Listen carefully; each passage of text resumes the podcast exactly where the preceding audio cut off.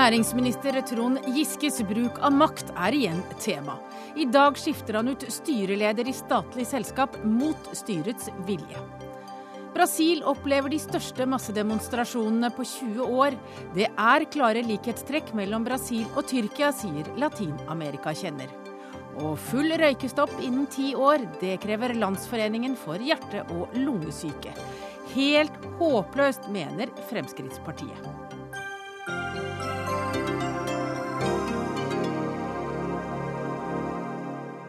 Ja, det er noen av sakene i Dagsnytt 18 her du også får møte Klassekampen-kritikeren som nå overtar redaktørstolen i litteraturtidsskriftet Vinduet. Velkommen til Dagsnytt 18. Jeg heter Hege Holm.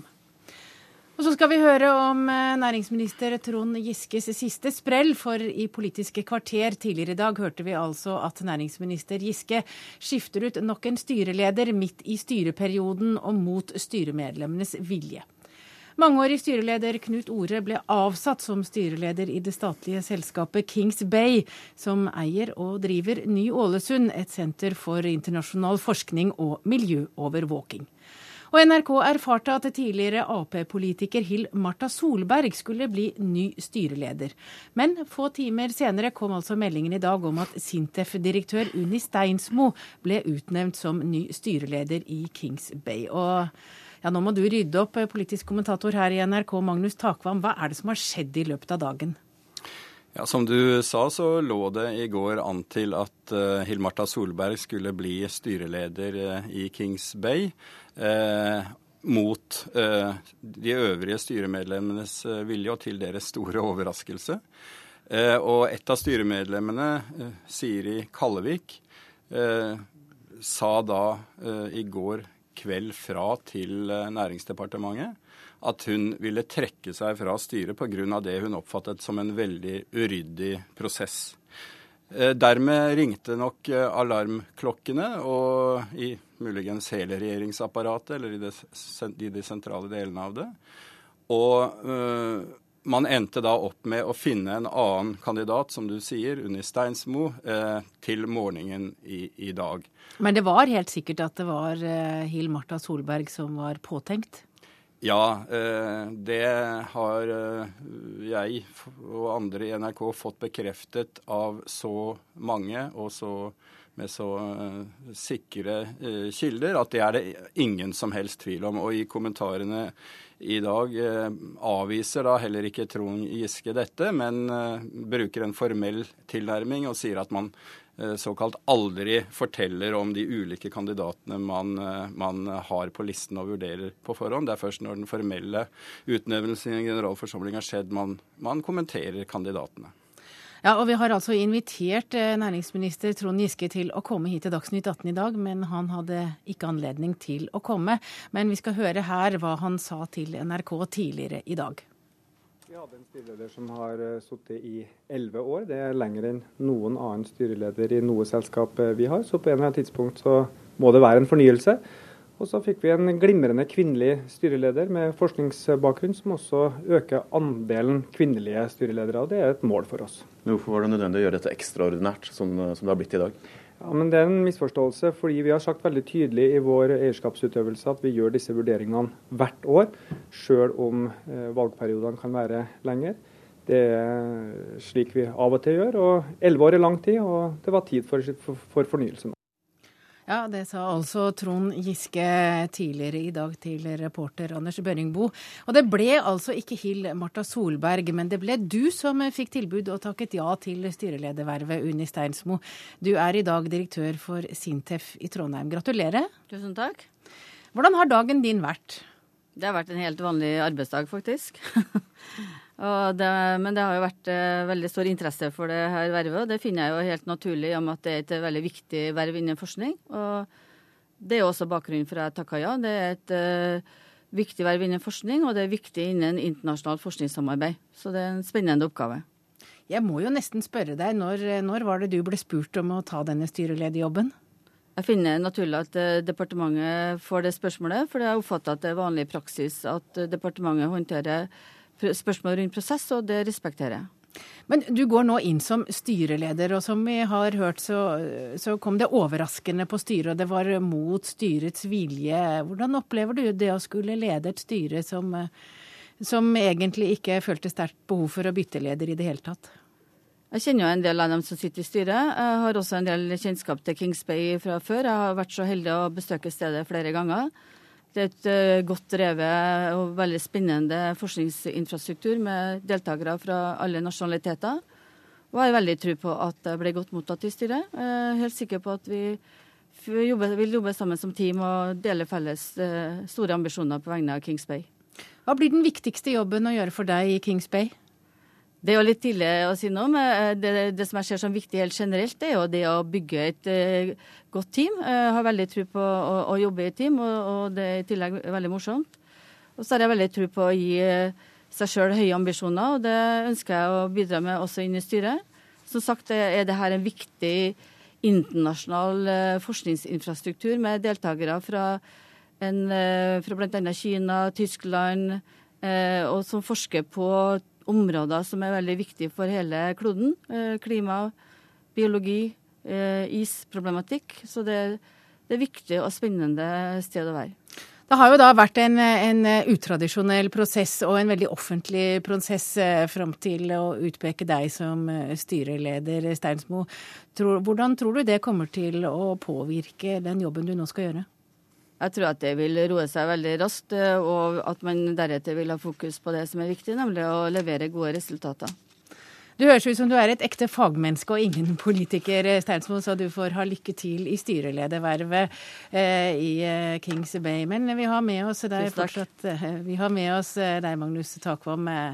Hvilken interesse hadde Giske av å bytte ut styreleder Knut Ore, som jo får de beste skussmål av administrerende direktør og styre? Det er veldig vanskelig å svare på. Det må eh, egentlig Trond Giske selv eh, svare på, så vi må da spekulere. Men det er klart at i pressemeldingen som eh, ledsager dette skiftet, så blir det un bl.a. understreket at man nå får en kvinne inn i et styrelederverv.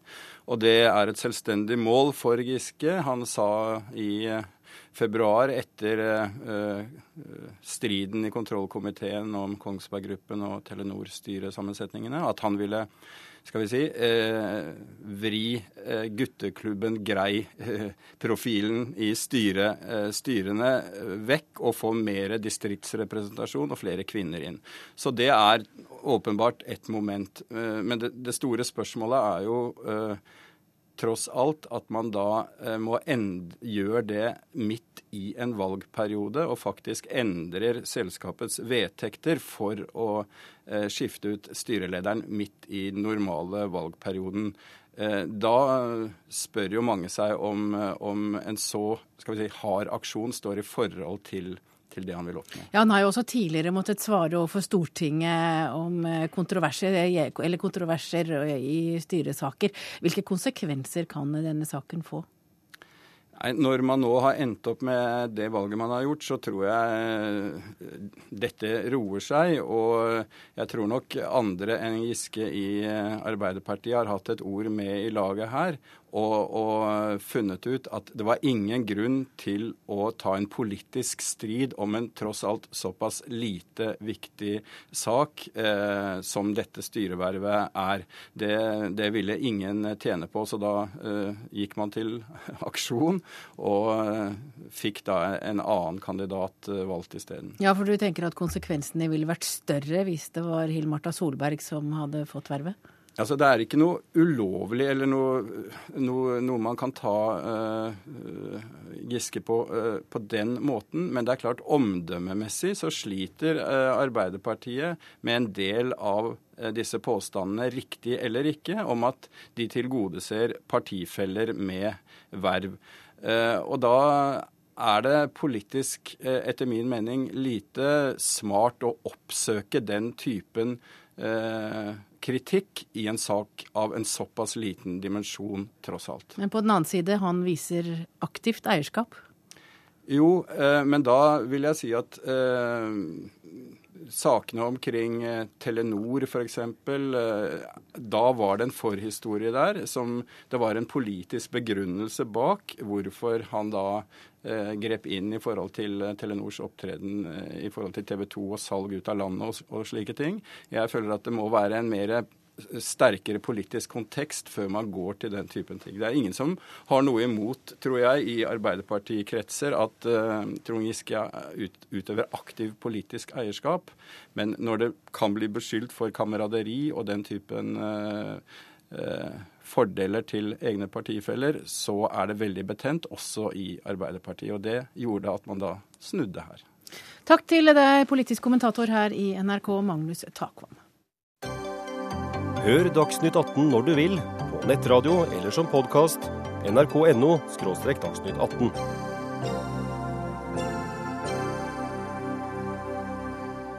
da skal vi vende øynene utover, for Brasil opplever de største massedemonstrasjoner på over 20 år. I flere uker har over 200 000 mennesker demonstrert i de store byene, og i hovedstaden Brasilia klatret demonstranter i går opp på taket til nasjonalforsamlingen, for deretter å ta seg inn i bygningen. Og Joar Hoel Larsen, utenriksmedarbeider her i NRK og tidligere korrespondent i Latin-Amerika. Nå må du forklare, Hva er det utgangspunktet for demonstrasjonene? Altså, selve utgangspunktet er veldig lettfattelig og veldig på en måte greit å kunne identifisere seg med. Det er at eh, bussbillettene ble dyrere i Sao Paulo. Eh, ikke veldig mye, en liten 50-øring, snaut det.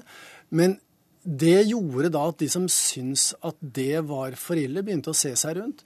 Eh, de ser at de betaler skatter, og de ser at, eh, eller mener i hvert fall at de får ikke nok igjen for det. Eh, skolene er dårlige, sykehusene forfaller.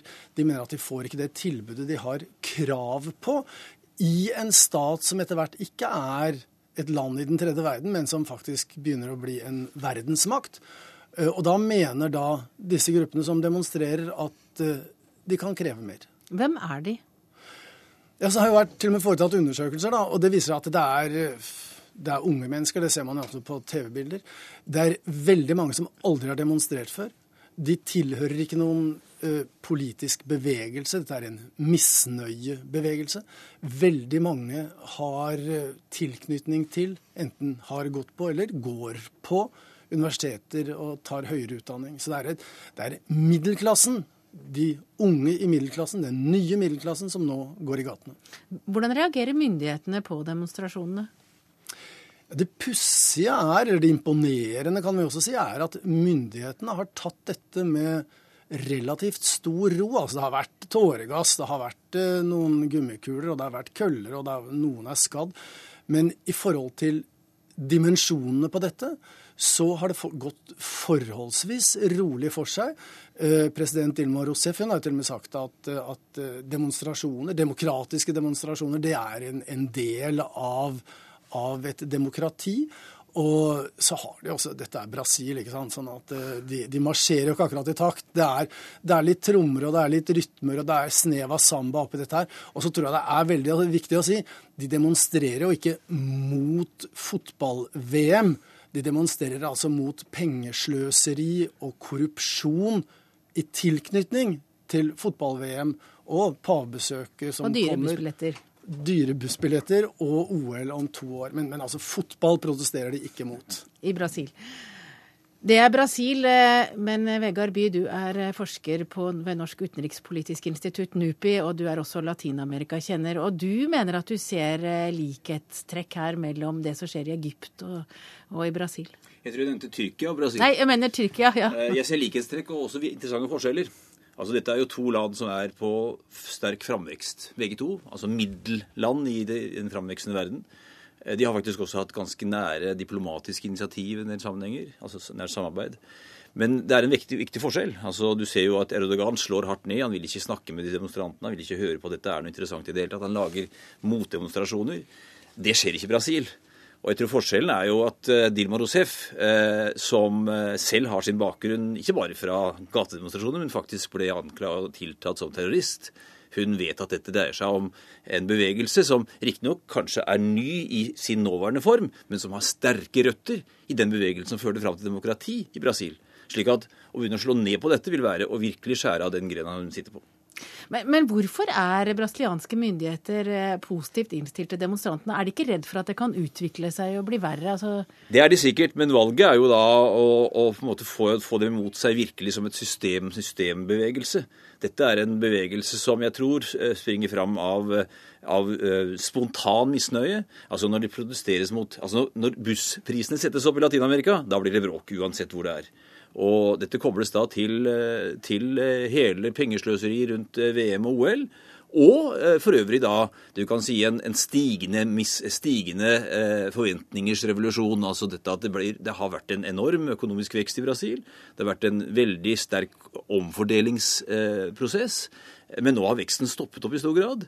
Og, og, det gjør selvfølgelig at, eh, at, de som har sett framgang så, så, langt, nå er veldig frustrert over at de ikke kommer videre. Og ungdom er selvfølgelig arbeidsløs i stor grad, der som det er ellers i verden. Og dette fører til at det er frustrasjon. Men jeg vil si at for, eh, for Dilma Rousef og enda mer for Lola, som på en måte var grunnlegger av hele dette systemet som hun representerer, så er dette deres folk. Og de må på en måte spille på lag med dem, ellers så går hele denne prosessen i stå. Og så er jo ikke dette noe nytt i, i Brasil heller. Eh, det er 20 år siden den, kan du si, den forrige store demonstrasjonsbølgen mot korrupsjon var.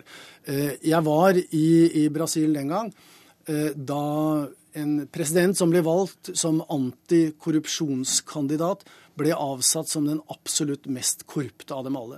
Og så var jeg da på veldig sånn ordentlig journalistvis oppe i en av disse favelaene, en av disse slumområdene, og spurte en fattig kar der hvordan reagerer du på dette?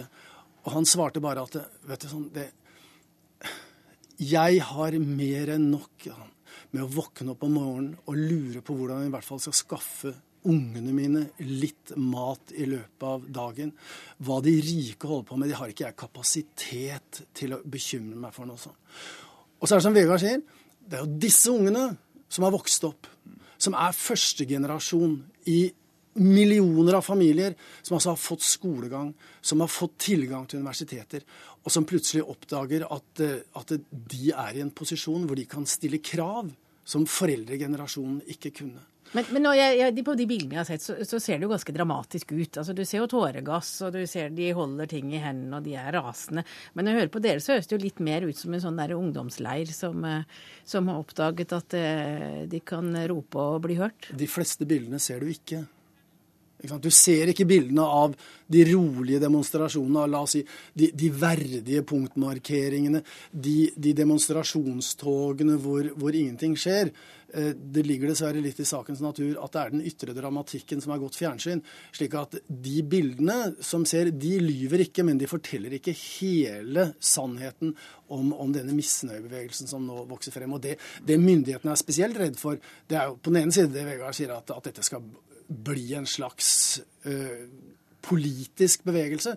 Men det de først og fremst er redd for, er jo at Fifa skal uh, ta fra dem arrangementet neste år. Det er den virkelig store frykten på kort sikt. Ja, du nikker, uh, Vegard By. Ja, det, det, er klart at uh, hvis, du er opptatt, hvis, du er litt opptatt av hvor, når du har effekt som demonstrant, så er det ikke noen skal ikke mye fantasi til å skjønne at i dag i Brasil, ett år før VM, tre år før OL, er et godt tidspunkt. Midt under prøve-VM. ja, og, og, men jeg tror det er veldig viktig å være klar over at dette er en, som, som, som Joar også sier, dette er en første generasjon av eh, skal vi si, en massiv brasiliansk ungdomsgenerasjon som får tilgang på utdanning. Men en annen ting som er veldig viktig, de protesterer mot dårlig kvalitet på utdanning. Og det er faktisk et systemproblem. Noe av grunnen til at det går dårlig med økonomien i Brasil nå, er at de har så elendig utdanningsnivå, f.eks. sammenlignet med asiatiske land. Slik at det ligger også under som ikke bare en protest fra ungdommen, men også faktisk et systemkrav at utdanningen må opp på et høyere nivå. Det, kan, det, er bare det som kan gjøre at Brasil kommer videre med sin utvikling. Men, men, tror du at demonstrasjonene og den støyen som er nå, kommer til å legge seg, hvis f.eks.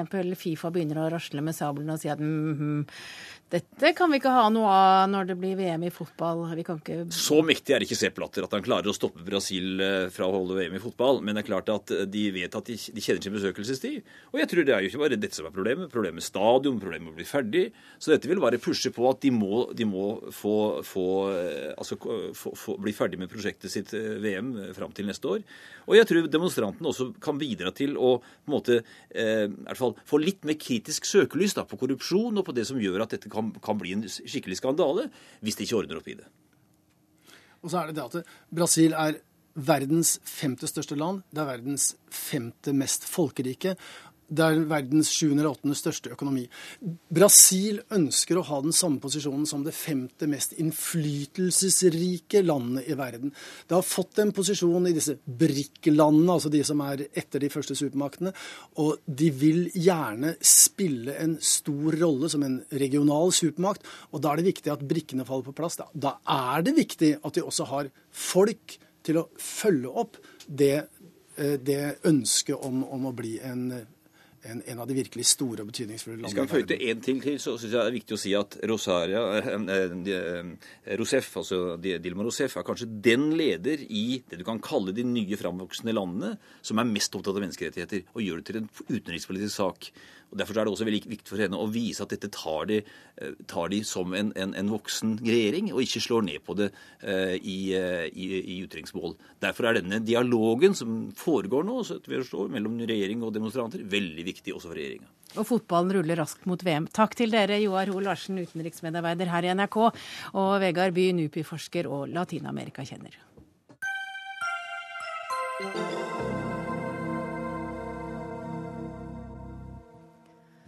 Det kan gå galt for norsk økonomi dersom vi fortsetter å prioritere utdannelser som passer inn i oljesektoren. Det mener du, Venstre-leder Trine Skei Grande. Hva er det du legger i det? Vi har i dag en veldig stor todeling av norsk økonomi. Det vi ser en oljebransje som går så det suser, som trekker til seg all kompetanse, økonomi, innovasjon, veldig mye av de drivkreftene i norsk økonomi. Og så vet vi at den ikke varer evig.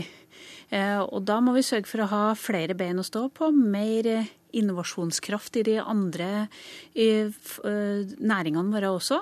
Og jeg er bekymra for at vi har en oljenæring som suger til seg veldig mye kraft og energi, og som, som, kanskje drar grunnlaget unna den velferdsstaten vi har i dag, hvis vi ikke har flere næringer som gir oss penger til fellesskapet. Og det vil du at politikerne skal blande seg inn i? Nei, det jeg mener at politikere skal blande seg inn i at de skal ha en massiv satsing på forskning, kunnskap, høyere utdanning, også innenfor de andre områdene. Sånn som f.eks. nye energier. Eh, at vi kunne hatt store planer for å satse på de nye energiene som vi vet kommer til å vare lenger. Eller som en skrev til meg i dag, at eh, vi burde satse på mer på de næringene som vi vet produserer ting som vi alltid vil etterspørre, som f.eks. fiskerinæringene våre og dem som produserer mat. Det vet vi er, det er produkter som alltid vil etterspørres. Så du er litt engstelig for at det blir for mye oljefokus. Marianne Aasen, du er leder av utdanningskomiteen på Stortinget for Arbeiderpartiet. Tidligere i dag sa du at Trine Skei Grande ikke forstår hvordan ingeniørbransjen henger sammen. Hva mener du med det? Nei, altså Dette var en debatt som foregikk i går i regi av noe som heter NOKUT. Og der eh, hadde, sa Trine Skei Grande at hun nærmest advarte mot uh, at, at studenter skulle utdanne seg til oljebransjen. Og det var jeg litt sjokkert over. For det eh, syns jeg er merkelig når vi har så mange arbeidsplasser og så mye innovasjon og så mye forskning også knytta til den sektoren, som er veldig viktig for Norge i dag. Men så, og så er det det at, eh, og, og det er det jeg syns Trine Skei Grande avslører litt, at det er et samspill gjelder, og en kunnskapsflyt mellom mange næringer i, i, det vi er gode på i Norge. Vi er gode på offshore, vi er gode på energi, vi er gode på marin, og vi er gode på maritime næringer. Og dette betyr at veldig mange av de som jobber i disse bransjene, de flyter mellom dem. Det er ikke sånn at du begynner å studere for å bli oljeingeniør, så begynner du et oljefirma, og så er du der resten av livet, og så blir du pensjonert oljeingeniør. Det er ikke sånn dette fungerer. Det er en kunnskapsflyt og en mobilitet mellom folka som vi er helt avhengig av også i den framtiden som Trine Skei Grande og i og for seg også drømmer om, at vi skal få en fornybar energi skal få en større plass. Ja, Er du kunnskapsløs og gammeldags, Trine Skei Grande? Nei, men jeg tror faktisk at jeg brukte eksempel på akkurat det som Marianne nå sa i, i den debatten. Og jeg har besøkt en del næringer som, som driver innenfor oljebransjen, og spør dem om deres evne til å konvertere i forhold til nye næringer. Og i forhold til de, de jeg har besøkt, så har de hatt en stor bevissthet på det. Det som jeg mener er utfordringa, er at vi ikke satser nok på de fornybare kildene. og vi satser ikke nok på forskning i landet. Sånn at veldig mange av dem som prøver å prøve seg på de nye næringene, f.eks. dem som i dag tar studier innenfor fornybar energi, opplever å komme til et arbeidsmarked med totalt tørke, mens andre blir nærmest sugd opp i en, en lønnsgalopp på oljesida.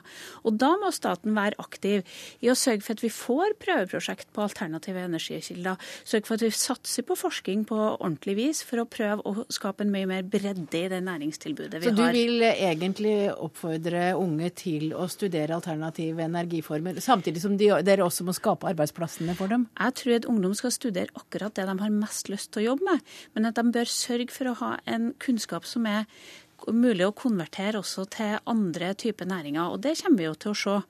Problemet vårt er at vi har denne veldig todelte norske økonomien som er litt skummel. Altså Et lite fall i oljeprisen i Norge i dag fører nærmest til et fall på 30-40% på Oslo Børs.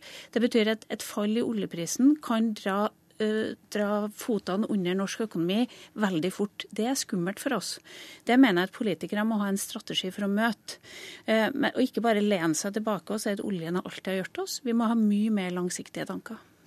Det som jeg, eh, jeg mener er problematisk med den måten Trine Skei Grande snakker om oljebransjen på, da, er at det, det liksom føyer seg inn i en stor tabbe vi har gjort i Norge de siste ti åra, mange, og sagt sånn Hva skal vi leve av etter oljen? Og det tror jeg ført til at en god stund, fram til 2005, 2006, 2007, så søkte ikke nok ungdom seg til ingeniørutdanningene. Fordi det ble, en sånn, eh, det blir et inntrykk av at teknologi ikke er framtida. Og det er helt feil. Fordi at det er sånn eh, at du kan jobbe i oljebransjen og jobbe med fornybar energi om hverandre. Eh, Og teknologi kan, eh, kan brukes eh, er en kompetanse hvor du får flyt av kunnskap hele veien. Og når man da gir vi som politikere og andre samfunnsdebattanter har et ganske stort ansvar om å ikke komme med den type uttalelser og si at du skal ikke satse på denne bransjen, eller du bør ikke tenke dit, ditt eller datt i forhold til utdanning. Fordi vi trenger folk i olje- og gassbransjen nå. Det er et stort behov for ingeniører både der og mange andre steder. Da må vi ha folk som vil satse på teknologi. Og så vil det framtida vise hvilken bransje de vil jobbe i. Uansett så er det der vi vil ha behov for folk, sammen med lærere og sammen med helse- og Så Åsen, du frykter altså at uh, Skei Grande stopper litt ungdom som er på fart ut i en ingeniørutdanning, med det hun sier? Det er det som er litt faren med det, å snakke olje- og gassbransjen ned på den måten som kom til uttrykk i går i den debatten. fordi at jeg reagerte jo ikke på det som sto i Dagens Næringsliv eh, i dag. Jeg reagerte på det som ble sagt under debatten, nemlig at, at hun nærmest advarte mot eh, å, ønske, å ville jobbe i olje- og gassbransjen og utdanne seg til det. Der er det behov for folk i mange år framover, og vi trenger ungdom som satser på teknologiyrker. Ja, I Dagens Næringsliv ble du jo til og med sitert på at du uh, mente det var en katastrofe. Ja, nå vet Marianne Aasen at det var ikke det jeg sa, det som står i Dagens Næringsliv i dag.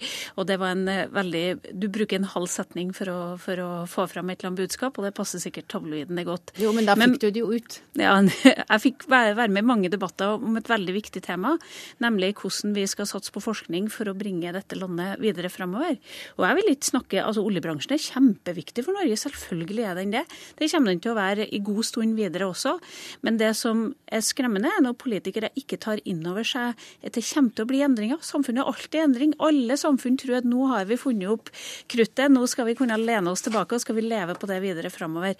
Oljebransjen kommer til å oppleve det samme som at når steinalderen slutta, så slutta den ikke på mangel på stein, man slutta på at man fikk bedre løsninger, bedre teknologi, andre, andre kilder. Og det kommer vi til også til å se her. Og jeg vil jo ha masse ingeniører fremover. Det er kjempeviktig for å bringe de nye teknologiene fremover. Kjempeviktig for at Norge skal fortsette å være energinasjon, og kjempeviktig for å konvertere den kunnskapen som jeg er helt enig i. På offshore f.eks. så har vi masse kunnskap som vi kan konvertere inn til nye næringer. Og det tror jeg kommer til å bli en spennende og viktig debatt. Så kan noen lene seg tilbake og si at vi har det bra som vi har det. Det tror ikke jeg er, er lurt for politikere. Da må du få nesten en liten kommentar. Er du blant de som lener deg tilbake og sier at vi gjør det vi skal gjøre? Ikke i det hele tatt. Og, det, og så er det viktig å si det er ikke sånn at fra, fram til den dagen så lever jeg olje og gass, og deretter skal vi leve av noe annet. Sånn er det ikke. Det, kommer, det er en glidende overgang. Vi kommer til å leve av olje og gass i mange år framover, og så kommer, vil det komme nye næringer. Men når Trine Skei Grande nærmest lager monopol på det at, at dette er det bare hun som forstår he, he, det Hele den politiske miljøet, og i hvert fall Arbeiderpartiet, forstår jo at selvfølgelig må vi satse på forskning. Selvfølgelig må vi satse på utdanning. Det er jo derfor vi bruker veldig mye penger på det. Det har vi økt forskninga med 32% bevilgninger siden vi kom i regjering. Så dette her eh, har ikke Trine Skei Grande monopol på. Takk til deg, Marianne Aasen. Du er leder av utdanningskomiteen på Stortinget for Arbeiderpartiet. Og Trine Skei Grande, du er leder i Venstre.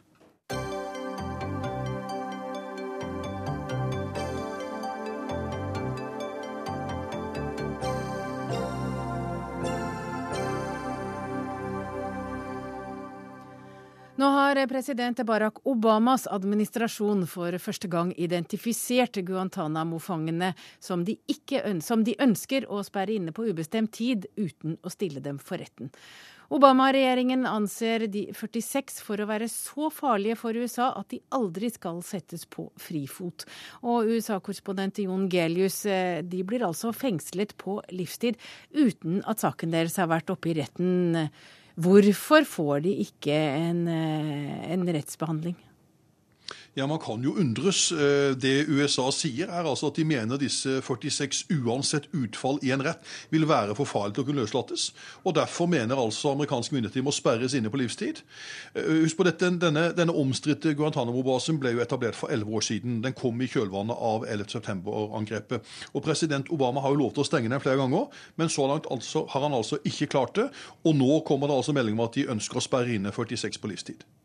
Denne behandlingen av krigsfanger den strider jo mot Genévekonvensjonen. Og hvilke reaksjoner har nå kommet eh, på dette utspillet? Ja, særlig Amnesty er eh, særdeles kritisk til dette utspillet. De mener fangene i henhold til folkeretten enten har krav på å bli tiltalt slik at de kan få prøve sin sak for en føderal domstol, eller rett og slett bli løslatt. Og Også andre menneskerettighetsorganisasjoner kritiserer naturligvis Obama-organisasjonen for dette. Eh, Men så langt så har det vært ganske taust ifra Obama og hans menn. Vet du noe om hva som vil skje med de 120 andre fangene som sitter på Guantánamo, men som ikke er navngitt? Nei, altså så langt så er ikke det vært noe veldig framme i mediebildet her i dag. Eh, Men husk på at Obama han sa jo i slutten av mai, eh, da ba han igjen Kongressen om å stenge Guantánamo-basen. Og Da ga han uttrykk for at han ville flytte fangene til et nytt sted i USA, eller tilbakeføre dem til sine hjemland. Eh, For dette, denne basen er jo ikke bare kontroversiell, den er også særdeles kostbar for USA å drive. Det koster nesten én million dollar per fange per år. Og Da kan du selv regne opp hvor mye, mange millioner dollar som går ut til denne basen. Hvorfor tar Barack Obama denne Det er jo en politisk risiko. Ja, Obama lovet jo før han ble valgt til president i 2008 at han skulle stenge denne fangeleiren. Eh, Så har han prøvd å få Kongressen med på noe av dette, og det har de altså ikke lykkes med. Husk på at veldig mange av de konservative politikerne i USA de syns jo dette er sikkert et godt forslag, i hvert fall det de har gitt uttrykk for. Eh, Nå tror jeg eh, gjennom det som er kommet fram, at Obama rett og slett ønsker å provosere fram en løsning, også på den innenrikspolitiske arenaen, for å finne en endelig avslutning for Guantánamo-basen. Og det er klart at Så langt er det bare menneskerettsorganisasjoner som har reagert offentlig, men dette kan komme til å bli en politisk debatt dersom det legges fram som et formelt forslag. Det er jo Pentagon, altså Forsvarsdepartementet, som har lansert at de altså vil sperre inne 46 fanger på livstid uten rettergang. Takk til deg, USA-korrespondent Jon Gelius.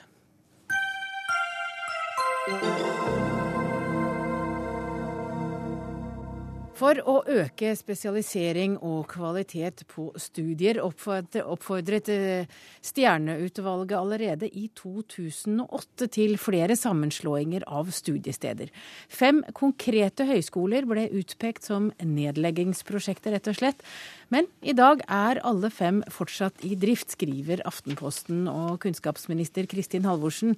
Hvorfor fulgte dere ikke anbefalingene fra Stjerneutvalget? Jeg tror at den analysen som Stjerneutvalget gjorde av sårbarheten ved en del institusjoner, og behovet for å bygge litt sterkere fagmiljøer, den delte hele Stortinget, også vi. Men måten å gå fram på for å klare å, få til eh, sterkere miljøer, litt mer arbeidsdeling, den ble ikke fulgt opp på samme måte som utvalget foreslo. Det var veldig sterk eh, motstand mot at man skulle lage en, hva skal man si, en politisk styrt prosess på dette området. Så vi, Ja, altså Dere ville ikke legge det ja? jo, det vi gjorde var jo å gå inn med litt uh, mer eh, hva skal man si, oppmuntring, belønning for samarbeidsprosesser.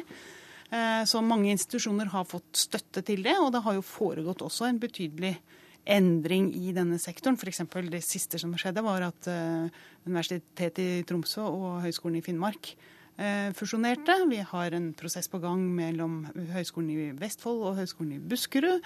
Vi har et nytt, svært eh, universitet som er i ferd med å bli bygd på Ås, hvor Veterinærhøgskolen og Veterinærinstituttet også eh, skal. Men vi er et land, et langstrakt land med en forholdsvis liten befolkning, og vi kommer hele veien til å ha et, en utfordring med å ha robuste miljøer, samtidig som vi klarer å ha en struktur som også gi desentralisert utdanning. Ja, Professor Steinar Stjernø, det var du som ledet utvalgsarbeidet. Hvorfor ønsket dere, eller hvorfor mente dere i 2008 at disse skolene burde nedlegges? Vi mente det først og fremst fordi når det er veldig få studenter og et lite faglig miljø, så blir det lite trøkk i studiemiljøet for, for studentene. Og for det andre, i små institusjoner er det også lite gjensidige stimulanser mellom, mellom kollegaene. Og jo mer studietilbudet på stedet er kombinert med desentraliserte studier andre steder, og eventuelt kurs i utlandet, jo svakere blir det faglige miljøet i institusjonen. Og vi kunne også konstatere at det var konkurransene på en rekke ulike områder mellom studiestedene og, og høyskolene universitetene om å tilby studier på høyere nivå, altså det vi kaller master, femårige masterstudier. Og der var de faglige miljøene en, enda mindre enn de var på lavere nivå. Og attpåtil så var det i gang en prosess hvor stadig flere institusjoner opprettet doktorgradsstudier, og de var enda mindre igjen. Ja, Hva syns du om at, at de fortsatt eksisterer, alle de fem dere foreslo nedlagt? Ja, da må jeg si at Vi foreslo ikke nedlagt fem høyskoler. Vi foreslo nedlagt én høyskole og fire studiesteder. Slik at det innenfor de andre fire høyskolene skulle skje en større konsentrasjon av, av virksomheten. Det var ingen overraskelse, jeg må si det. Altså våre, våre, forslag kom på et tidspunkt hvor det var en viss trøtthet for reformer ute i, i, i sektoren. Og våre perspektiver strakk seg jo helt fram til, til 1920-25. Og vi sa fra utvalgets side at i årene fram til 2015 så vil det være rimelig stabilitet i rekrutteringen til også de små høyskolene. I form av at det er akseptable tall for ungdom i alderen 20 til 24 år. Men nå nærmer vi oss 2015, hvor det, har en situasjon hvor det blir færre i denne aldersgruppa, og det er da, da de fleste studerer. Og da er det faktisk en periode vi står foran hvor det bare vil være i Oslo og Akershus hvor det er økning i antall 20-24-åringer. Og i alle andre fylker i hele landet blir det nedgang, og dermed så blir altså disse små studiestedene i, i distriktene sannsynligvis svekket. Men Stjerne, du er jo også en ganske kjent eller profilert SV-er i sin tid. Og dette er jo distriktspolitikk. altså Det er jo ikke lett å legge ned et studiested på et lite sted, altså et studiested. Det gir mange arbeidsplasser, det gir mange ungdommer, det gir penger i kassa, utleiemuligheter for fastboende. Så det er ganske drastisk. Nei, altså våre forslag var slett ikke drastisk. Det var noen ganske få studiesteder vi foreslo nedlagt. F.eks. Nesna i Nordland er ikke så veldig stort sted, og, og der spiller nok skolen et stort, ja, men stor rolle? jeg gadd se den som ville påstå at det er et godt studiemiljø på Nesna i, i, i Nordland. Det, Nå har vi ikke noen som nei. arbeider der, så det kan vi ikke uttale oss om. Men, men, det er jo et av de stedene du har foreslått. Ja, vi pekte på det ut fra at studenttallene var svært lave. Gjennomføringen var lav, forskningen var lav. Alle indikatorer på hva som er godt studiet til var ikke til stede i, i, i Nesna. Og er det heller, etter mitt skjønn heller ikke i, i dag. Men jeg er jo veldig, både som SV-er og fagmann, holdt jeg på å si, så er jo jeg enig i at vi skal ha et desentralisert studietilbud i Norge. Det skal være en desentralisert struktur hvor det er institusjoner i alle landsdeler. Men det gjelder å finne balanse mellom det som skaper gode studiemiljøer og forskningsmiljøer, og, og, tilgjengelighet for studentene landet over. Og Den balansen har vi ikke i dag. Også kunnskapsminister Halvorsen, hvordan vil dere bedre arbeidsdelingen og konsentrasjonen framover? Som Stjerne sier, vi nærmer oss jo 2015.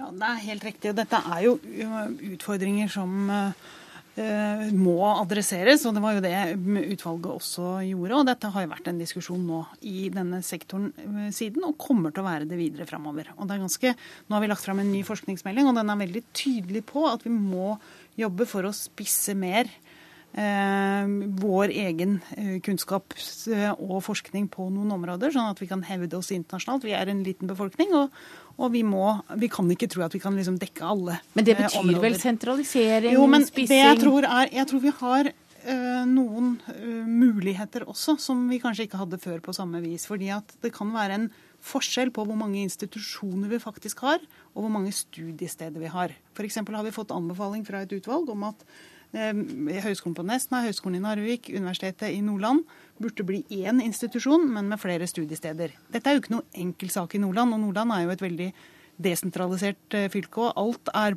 enten det gjelder lokalaviser, eller det gjelder videregående skole eller det gjelder studiesteder, så er det krevende å få til eh, i Nordland. fordi eh, det er et veldig langstrakt eh, fylke med store reiseavstander. Men det som er utrolig viktig, det er jo også at vi har studiesteder som er ganske nær voksenbefolkningen. Fordi vi har mange voksne studenter etter hvert som tar la oss si, lærerutdanning i voksen alder. Mye vanskeligere å flytte eh, når du er, har eh, hus og, og to barn og bikkje og, og, og bil. Sånn at vi vet, Og vi mangler lærere i, i distriktene, så vi må klare å gå de balansegangene. Eh, De balansegangene der. Det, nå har vi prøvd oss. Men, men Kristin Halvorsen, Ja. vil, vi- vil du komme igjen, ja, kanskje ikke deg, men, eh, men en annen kunnskapsminister om fem år og forsvare det, akkurat det samme, hvis vi da setter Stjerne igjen i studio og viser til eh, det som kom fram i 2008? At det er vanskelig å være hard i klypa og si at nok er nok? Det er? Dette er humankapital omtrent bare. Det vil si det er noen bygg og noen annet. Men det er, det er, man må ha folk med seg hvis en skal klare å få til gode forandringer på dette området. Men samtidig må man jo også utfordre og være utålmodig på å faktisk få til resultater.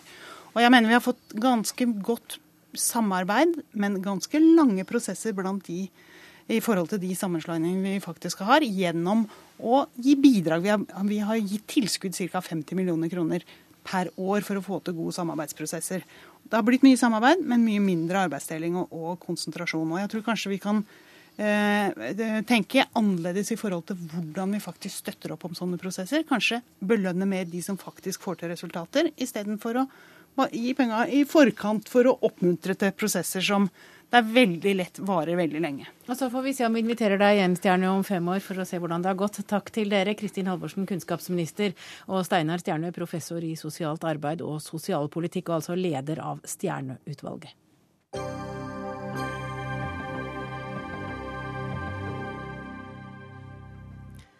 Ja, da er det enda en her i Dagsnytt 18 i dag som har fått ny jobb. Ikke styrejobb, men redaktørjobb. Gratulerer, Kaja Skjerven Målerin. Du er nå blitt redaktør for Gyldendals eh, tidsskrift for litteratur Vinduet.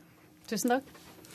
Du har eh, gjort mye. Du er 33 år gammel, men du har skrevet doktorgrad om Susan Sontag. Du har fått Anders Jares kulturpris. Du er litteraturanmelder i Klassekampen.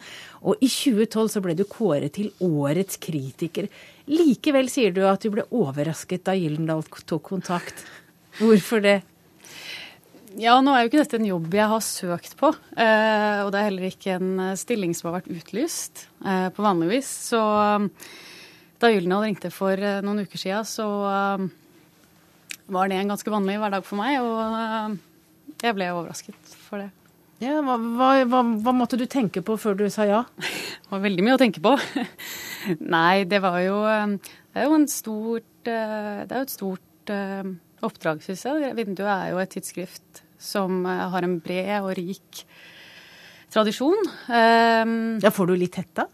Fordi det er så stort? Nei, kanskje ikke akkurat hetta, men eh, jeg tenker at eh, det blir ikke noe lett jobb. Men jeg tenker også at når det gjelder dette med tradisjon og historie, så tenker jeg at man kanskje ikke skal i hvert fall prøve å ikke være så redd for det. At eh, det er ikke noe man skal flykte fra. Tradisjon er, det er en rikdom, og det er et privilegium å få lov til å forholde seg til det. Så jeg prøver vel også å ha et litt sånn avslappet forhold til det, og tenker at jeg kan ta med meg det. Være glad for det jeg kan ta med meg fra den tradisjonen videre. Din forgjenger, han du nå overtar for, Audun Winger, han sa når han fikk jobben at han ville åpne mer for film og musikk i vinduet, og så var han opptatt av å løfte fram tung og eksperimentell litteratur. Er det en linje du også vil eh, fortsette? Ja, altså Nå har jeg ikke så veldig lyst til å komme med noen de helt sånn klare programerklæringene på forhånd, men eh, jeg tenker vel at vinduet tradisjonelt eh, er eh, et av de bredeste eh, litteraturtidsskriftene eh, vi har. Og jeg tenker at det er et tidsskrifts oppgave å ivareta de formene for litteratur som ikke blir omtalt i større medier. Men jeg tenker også at det er et sånn type tidsskrifts oppgave å ivareta et ganske stort mangfold. Og at det sånn sett ikke er noe poeng å ikke forholde seg til de formene for litteratur som blir omtalt andre steder. Ja, hva tenker du da når du snakker om litteratur som ikke i det sånn stor grad blir omtalt? andre steder?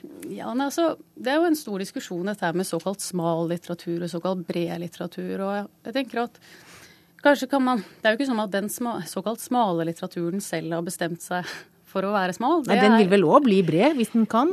Veldig ofte så er det i hvert fall sånn at den såkalt smale litteraturen er eh, en form for litteratur som blir gjort smal i bestemte medier. I større medier fordi den ikke blir omtalt der, eller i bokhandler fordi den ikke blir frontet der eller i bokklubber fordi den ikke blir valgt ut der, da. Sånn at jeg tenker at det spørsmålet om hva som er bred og smal litteratur, er ganske sammensatt, da. Men nå har du fått makt og myndighet, du er blitt redaktør, og da kan du eh, bestemme linje, selvfølgelig også i samråd med Gyldendal. Men, men er det, hva er dine yndlingsforfattere? Og jeg har nok en ganske bred smak. Hvem mener du at bør få lyset på seg? Nei, altså, jeg tenker at um, min smak for det første ikke skal bli altfor styrende. Jeg skal heldigvis ikke lage dette skriftet helt alene. Jeg skal ha med meg en redaksjon som forhåpentligvis kommer til å bli eh, sammensatt. Så eh, jeg tenker vel at dette også er et spørsmål om hva jeg kan og ikke kan.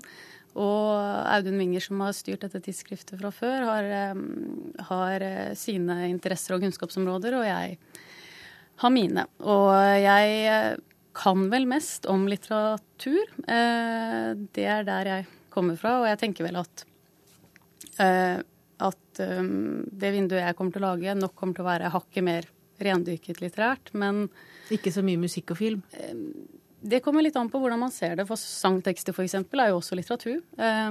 og filmmanus er jo også litteratur, så vi får se hvordan, hvordan det utvikler seg. Du har vært fast leser av Vinduet i mange år. Hva er det du liker ved tidsskriftet? Hva er det som gjør at du vil jobbe der?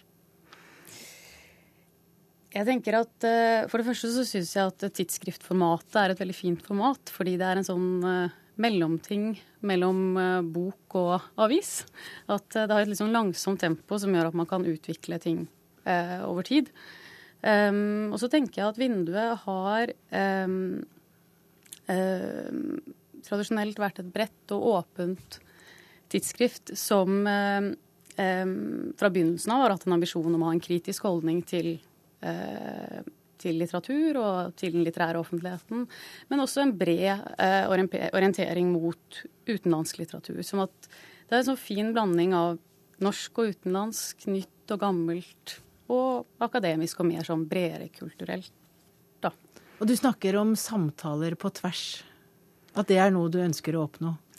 Ja, det jeg sa i uh, dette antagelig intervjuet i Klassekampen som du refererer til, uh, var at jeg tenker at den litterære offentligheten i dag er ganske, bærer preg av å være ganske fraksjonert. Uh, at den er bygd opp rundt ulike deloffentligheter som igjen er bygd opp rundt ulike tidsskrift og ulike forlag og ulike blogger og ukeaviser osv. Og, så og det er veldig mye bra med de ulike deloffentlighetene, men eh, jeg tenker at um, det er en utfordring uh, å få til en samtale på tvers av de deloffentlighetene som kan åpne de opp for hverandre uten at hver av dem mister sitt særpreg. Da. Og så må jo målet være å få folk til å lese bøker. Målet er alltid å få folk til å lese bøker, men det tror jeg de gjør fra før. Takk til deg. Du er altså blitt en ny redaktør i det litterære tidsskriftet Vinduet. Og du er da utnevnt, eller du har da fått jobben av Gyldendal uten å søke. Kaja Skjerven Måleri.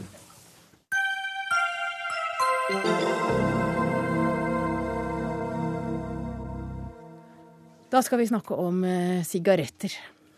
Vi skal eh, til dagens skrekkmelding til alle som liker å ta seg en røyk. Salg og omsetning av tobakk kan bli totalforbudt innen ti år hvis Landsforeningen for hjerte- og lungesyke får gjennomslag for sin plan. Og den presenterte dere i dag, Frode Jarn. Du er generalsekretær i Landsforeningen for hjerte- og lungesyke. Ja, Hvordan skal du få Norge røykfritt på ti år? Ja, For det første så ønsker vi oss å gjøre mer av det vi gjør i dag. Altså innføre stadig strengere eh, tiltak. Og så skal vi samtidig eh, da eh, innføre et eh, omsetnings- og innførselsforbud mot eh, tobakk, som da ligger ti år frem i tida, sånn at folk har god tid til å forberede seg på at dette ikke da blir en lovlig omsatt vare. Men før det er det ganske mye dere vil gjøre. Dere vil ha 20 års aldersgrense på kjøp. Dere vil ha røykeforbud på gater, plasser, konserter og alle steder der barn oppholder seg. Og ikke skal det være lov å røyke hvis du jobber i barnehage, skole, helsevesen. Dere er ganske strenge? Ja, det er vi. Eh, men husk på det at det er 100 000 barn i Norge som eh, hver dag blir utsatt for eh, passiv eh, røyking. Det er veldig farlig. Og det er faktisk sånn at det dør flere av passiv røyking enn det som omkommer i trafikkulykker hvert år. Så dette er et stort samfunnsproblem som vi må ta på større alvor enn det vi gjør i dag. Men er det det her i Norge? Ja, dette er i Norge. Men, men vi, vi, så jo her for noen dager siden at stadig flere slutter å røyke, og at uh, røykerne blir i stadig mindre mindretall. Dere, kan dere ikke bare la røykerne dø ut av seg selv? Nei, men uh, det er fortsatt uh, over én million nordmenn som røyker. Tallet har sunket. restriktive tiltak virker. Politikken som har vært ført, og informasjonskampanjene som har vært ført, eh, virker. Men vi syns det går for sakte. Eh, og vi synes at eh, folk skal begynne å venne seg til at dette her er en vare som på et tidspunkt kommer til å bli forbudt. Det er vår mening. Så når jeg tenkte meg om da, så er det altså bare barnløse, eller altså voksne mennesker uten barn, de kan røyke i sitt eget hus med lukkede vinduer? Det skal bli veldig vanskelig å røyke hvis vi får det som vi vil. Ja, det har jeg ja. skjønt. men, men, dere gjør det jo fordi dere vil folk vel. Kari Kjønaas Kjos, du er stortingsrepresentant for Fremskrittspartiet, og du syns dette er en ganske håpløs plan. Hvorfor det? Nei, altså Jeg liker jo engasjementet for eh, folkehelse og sunnhet, og det jobber vi mye med på alle plan. Eh, faktum er at det er eh, farlig å leve, og folk dør av veldig, veldig mye forskjellig. Vi har problemer med fedme, vi har problemer med med selvmord, med drukning, med overdose på narkotika. Altså folk dør av veldig mye forskjellig som vi hele tiden har fokus på. Så har vi hatt stort fokus på og mye mer kunnskap nå på, på dette med røyking, som gjør at folk har veldig mye mer kunnskap nå enn de hadde før. Og en veldig viktig ting, det er ikke lenger inn å røyke. Og det, eh, det også endre holdninger hos folk, det tar litt tid. Men vi kan altså som politiker ikke vedta god helse, og vi kan ikke forby alt som er farlig. Men vi må gi folk muligheten til å gjøre gode valg, og at de har lyst til å gjøre gode valg. Det er den viktigste jobben vår. Håkon Haugli, du er stortingsrepresentant for Arbeiderpartiet. Støtter du forslagene fra Landsforeningen for hjerte- og lungesyke? Det har jo skjedd veldig veldig mye på dette feltet i løpet av veldig kort tid. Det er ikke så lenge siden vi syntes det var helt normalt at folk tok en røyk f.eks. i dette studioet her, eller uh, i bilen eller på bussen og flyet. Og de uh, endringene har jo ikke kommet av seg sjøl. Det er jo fordi det er vedtatt lovgivning som har uh, lagt begrensninger på folks røyking. Ja, Og fordi at interesseorganisasjonene ja. presser på. Ja, helt åpenbart. Og jeg syns også dette engasjementet er veldig bra. Og jeg, vi trenger at organisasjoner som LHL utfordrer det som er politikken i dag. røykeloven er en kjempesuksess den kommer jo bl.a. som et resultat av det vi nå ser. Antall dagligrøykere har falt eh, kraftig. Det er veldig bra. Og det som er kanskje enda bedre, at antall unge røykere har eh, gått enda mer ned. Og vi har nettopp vedtatt en ny tobakksstrategi for 2013 til 2017. Den inneholder rekke tiltak. Jeg vil i hvert fall først se hvilken effekt de har, før vi går inn på enda kraftigere virkemidler. Ja, Syns du de er litt for tøffe, de virkemidlene som LHL foreslår? Ja, jeg mener vi er ikke akkurat der ennå, men det betyr jo ikke at vi er grunnleggende uenige. Jeg tror tvert imot vi er enige om å ta i bruk eh, lovgivning f.eks. som et uh, verktøy, men, men, vi er ikke der. Og jeg er også delvis enig med Kari Kjønaas Kjos at uh, vi kan ikke vedta oss til god helse, men det vi kan gjøre er å vedta eh, lover som bidrar til at folk får bedre helse. og Røykeloven er et eksempel på det. og Vi har vært uenige om det. og Motstand mot tiltak er kanskje den eneste fellesnevneren i kampen mot tobakk gjennom norsk historie. Men hvilke tiltak er det regjeringen ønsker å innføre for å få enda flere til å slutte å røyke? Ja, Nå har vi nettopp gjort en del endringer, bl.a. gitt barn en rett til vern mot passiv røyking. Vi vedtar at skoler skal være røykfrie. Eh, vi fjerner røykerom på arbeidsplasser og i offentlige lokaler, og innfører en bevillingsordning for salg av tobakk. Eh, Dvs. Si at eh, skal du selge tobakk, må du ha kommunal godkjenning. Det er tiltak som bidrar til det. og Historisk så har det jo vært type reklameforbud og, og røykeloven som har vært virkemidler som har virket og gitt effekt. Men Jaren, holder ikke det, da? Ja, det er fortsatt én million nordmenn som røyker. Hver uke så dør det 100 nordmenn som følge av røyk altså en nasjonal katastrofe eh, hver eneste uke. Over 5000 mennesker eh, i året.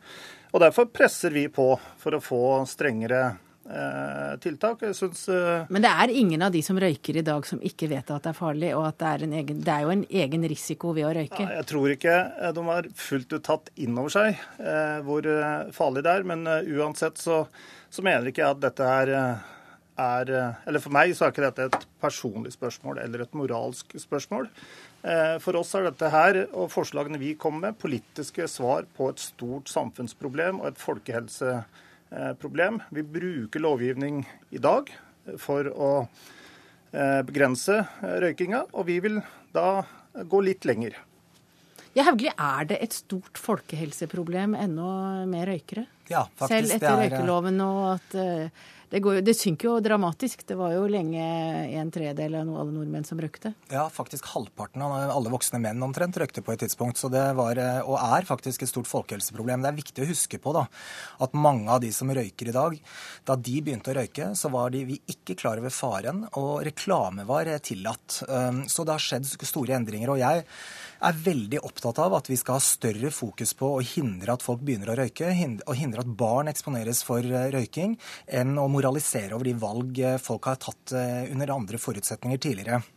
Eh, men lovgivning er viktig, og jeg mener igjen at røykeloven er kanskje den viktigste milepælen i kampen mot røyking. og Det er kanskje å ta litt i, men vi er i ferd med å vinne kampen mot den internasjonale tobakksindustrien. Tallene går nedover. Vi er opptatt av å fortsette den kurven nedover, og det tror jeg faktisk røykerne også er veldig opptatt av. Jeg har nesten ikke møtt en røyker som ikke ønsker å slutte. Nei, alle har dårlig samvittighet. Kari Kjønaas Kjos, eh, Fremskrittspartiet var jo ikke veldig for røykeloven heller, men jeg regner med at eh, den har dere klart å leve bra med. Nå er det én million da til mm. som skal slutte å røyke for å få et røykfritt Norge. Mm. Er det et mål Fremskrittspartiet støtter? Ja, eh, vi ønsker jo at, eh, at, røykerne skal eh, bli stadig færre. Men det aller viktigste er jo at ungdom ikke begynner. Det tror jeg må være det viktigste målet vårt. Eh, og Derfor så er jeg veldig veldig glad for at uh, ungdomsskoler har fokuser og konkurranser og, og, har dette som en del av temaet sitt. Og vi ser at det virker. Men i forhold til det å ha et forbud om omsetning og, og, salg, så er jeg jeg tenker litt på den kampen vi har hatt i forhold til narkotika, som har vært en evig kamp mot kriminelle og mørke strømninger i samfunnet hvor vi bruker fryktelig mye politi på det, og at vi skal sette inn politiet på å begynne på jakten på 20-pakningen i tillegg, det mener jeg er veldig feil måte å bruke ressursene våre på. Det, det er vel hovedgrunnen til at jeg mener at det å gå til et eh, totalforbud blir meningsløst. Jaren, det må du svare på. Hvordan skal du hvis, du hvis du lovregulerer og forbyr, så må jo også noen kontrollere, og det må jo være en eller annen form for straff i andre enden? Ja da, men vi, vi har nå et uh, rettsvesen, og vi har, uh, har, politi og vi har uh, tollere i dag. Og samfunnet håndhever en lang rekke forbud og påbud, og dette her skiller seg ikke ut. Da må jeg si takk til dere. Vår sendetid er over for i dag. Takk til Frode Jarn, generalsekretær i Landsforeningen for hjerte- og lungesyke, Kari Kjønaas Kjos, stortingsrepresentant for Frp, og Håkon Haugli, stortingsrepresentant for Arbeiderpartiet. Sendinga er slutt, og ansvarlig for sendinga i dag var Magnus Bratten. Teknikken sto Karl Johan Rimstad for. Jeg heter Hege Holm, og vi høres igjen i morgen.